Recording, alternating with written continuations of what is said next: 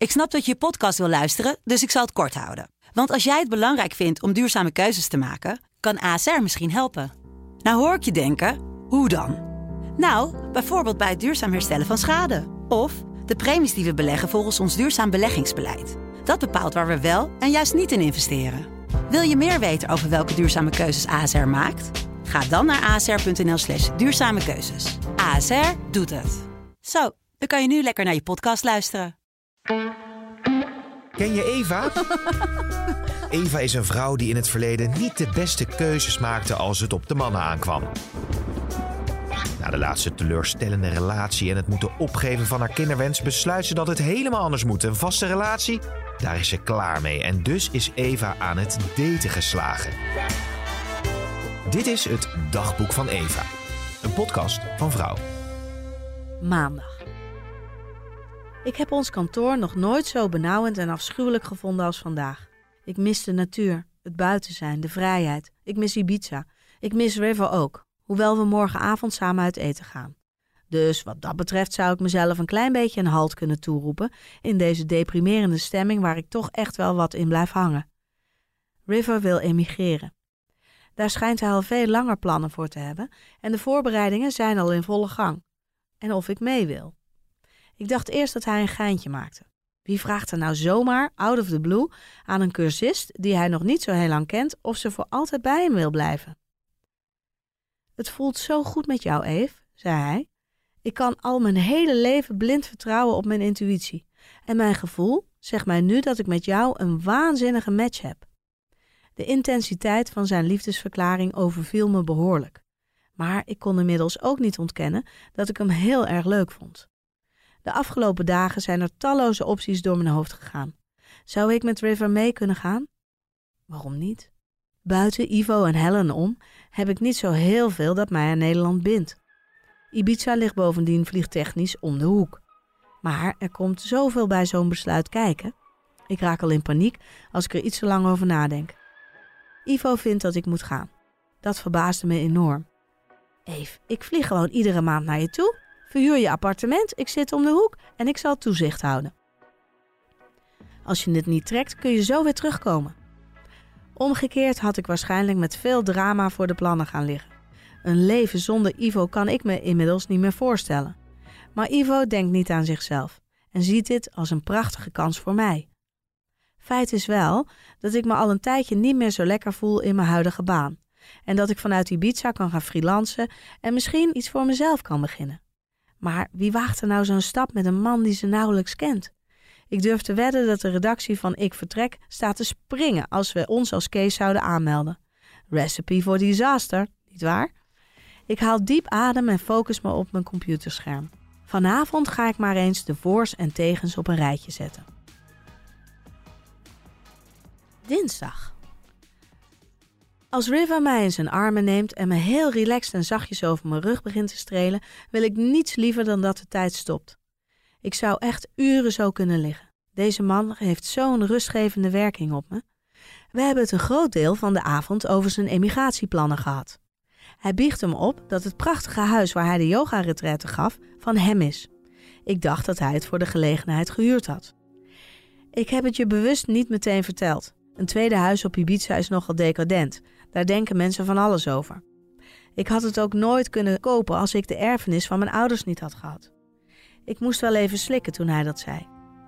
Wat heeft hij mij nog meer niet verteld? Met de hand op zijn hart beloofde hij dat alles nu op tafel lag. Ik wilde niet dat je een verkeerde indruk van me kreeg. Dat ik een verwend nest ben of zo. Maar je begrijpt misschien nu wel wat beter waarom emigreren voor mij niet zo ingewikkeld is. Ga met me mee. Probeer het in ieder geval voor een half jaar. Neem een sabbatical. Ik heb gezien hoe je daar hebt genoten. We kunnen er samen een leven op bouwen. Ik heb bedenktijd gevraagd. Het lijkt me geen overdreven eis. Ik heb een kriebel in mijn buik die maar niet weg wil. Zaterdag. Ik word wakker van een hand die me zachtjes over mijn rug streelt. Met één oog kijk ik op de klok naast me. Het is zeven uur geweest. Normaal gesproken nou niet bepaald het tijdstip waarop ik op zaterdagmorgen wakker wil worden gemaakt. Maar ik weet van wie die hand is en dat maakt alles goed. Ik doe nog even net alsof ik slaap en geniet in stilte. Ben je wakker? hoor ik River na een paar minuten vragen. Nee, antwoord ik. Hij begint te lachen. Ik hoor het aan je ademhaling. Natuurlijk, dat is de kracht van een man die dag in, dag uit voor zijn werk met de juiste ademhaling bezig is. Ik merk, ook nu weer, hoe waanzinnig goed zijn rust mij doet. Ik heb altijd gedacht dat ik een man nodig had die meeging in mijn drukte. Altijd maar iets leuks willen doen. Altijd maar erop uit. Maar dit lijkt veel beter bij me te passen. Het kan ook zijn dat het gewoon allemaal op het juiste moment in mijn leven komt. Wat heb ik de afgelopen jaren een kansloze types over de vloer gehad? Als ik ze in mijn hoofd de revue laat passeren, hadden ze allemaal wel één of meerdere steken loszitten. Dan weer te jong, dan weer te oud, dan weer zo bang om zich te binden dat je zeker weet dat er iets niet in orde is met zo'n type. Roy was daar nog wel het beste voorbeeld van.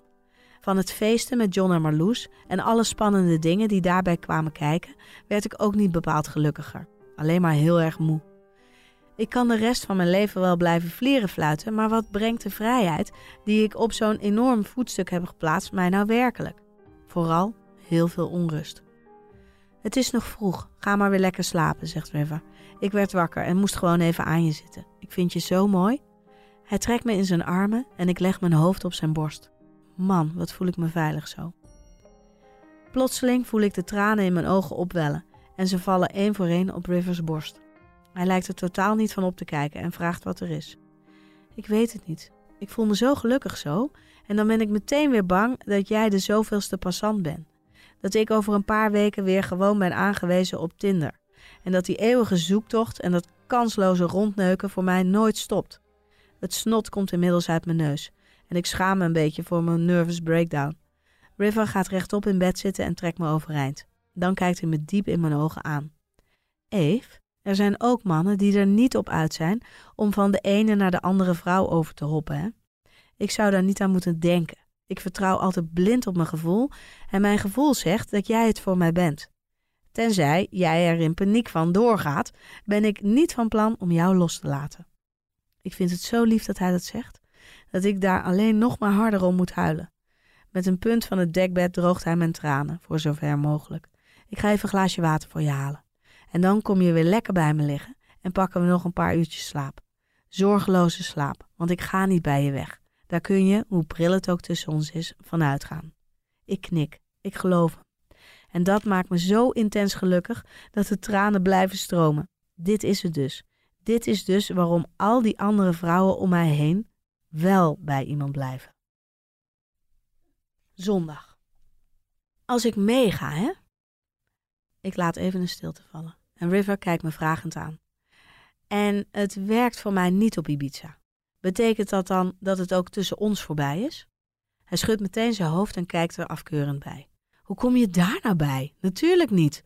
Dan wordt Ibiza gewoon ons toevluchtsoord en bouwen we hier een vast bestaan op. Dan doen we het toch nu ook prima? Er valt een last van mijn schouders. Opgelucht haal ik adem.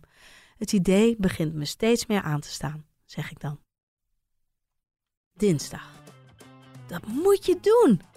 Ik was al verbaasd over de enthousiaste reactie van Ivo op het voorstel van River om voor onbepaalde tijd naar Ibiza te vertrekken. Maar deze joelende respons van Helen, die had ik helemaal niet zien aankomen. Eve, je bent eindelijk echt verliefd. Je zegt voor het eerst in je leven dat je denkt de waarheid te hebben gevonden. Weet jij wel niet hoe blij ik voor je ben? En wij dan? Ze begint te lachen. Wij overleven dit wel. Naar het schijnt is het ook prima appen met iemand die op Ibiza zit hoor. En de telefoon werkt daar ook gewoon. En ik ben in een paar uurtjes voor een prikkie bij je. En ik zie mezelf zomaar een paar keer per jaar jouw kant op komen. Als jij dan ook nog een paar keer per jaar mijn kant op komt, hebben we veel meer quality time dan dat we nu hebben. Ik zie het van de positieve kant. Helen kan de zaken altijd geweldig relativeren. Ook nu weer. Ik krijg iedere seconde een beetje meer zin in het avontuur dat mij te wachten staat. Want dat ik waarschijnlijk met River meega, begint steeds meer vorm te krijgen in mijn hoofd.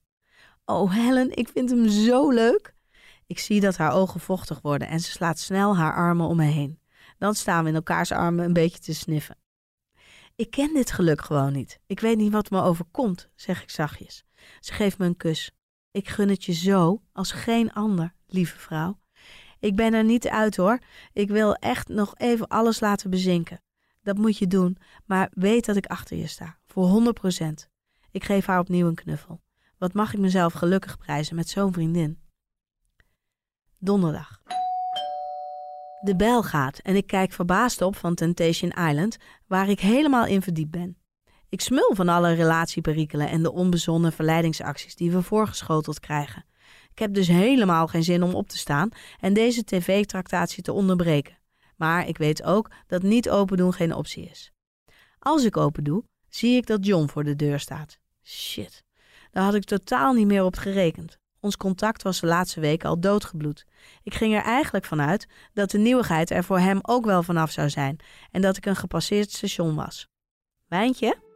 Hij tovert een fles wijn achter zijn rug tevoorschijn en ik weet meteen dat het hem helemaal niet om de wijn, maar om een wip te doen is.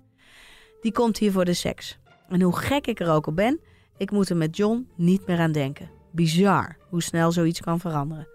Eh, uh. Ik wil zeggen dat ik Temptation Island zit te kijken en dat het niet uitkomt, maar ik besluit open kaart te spelen.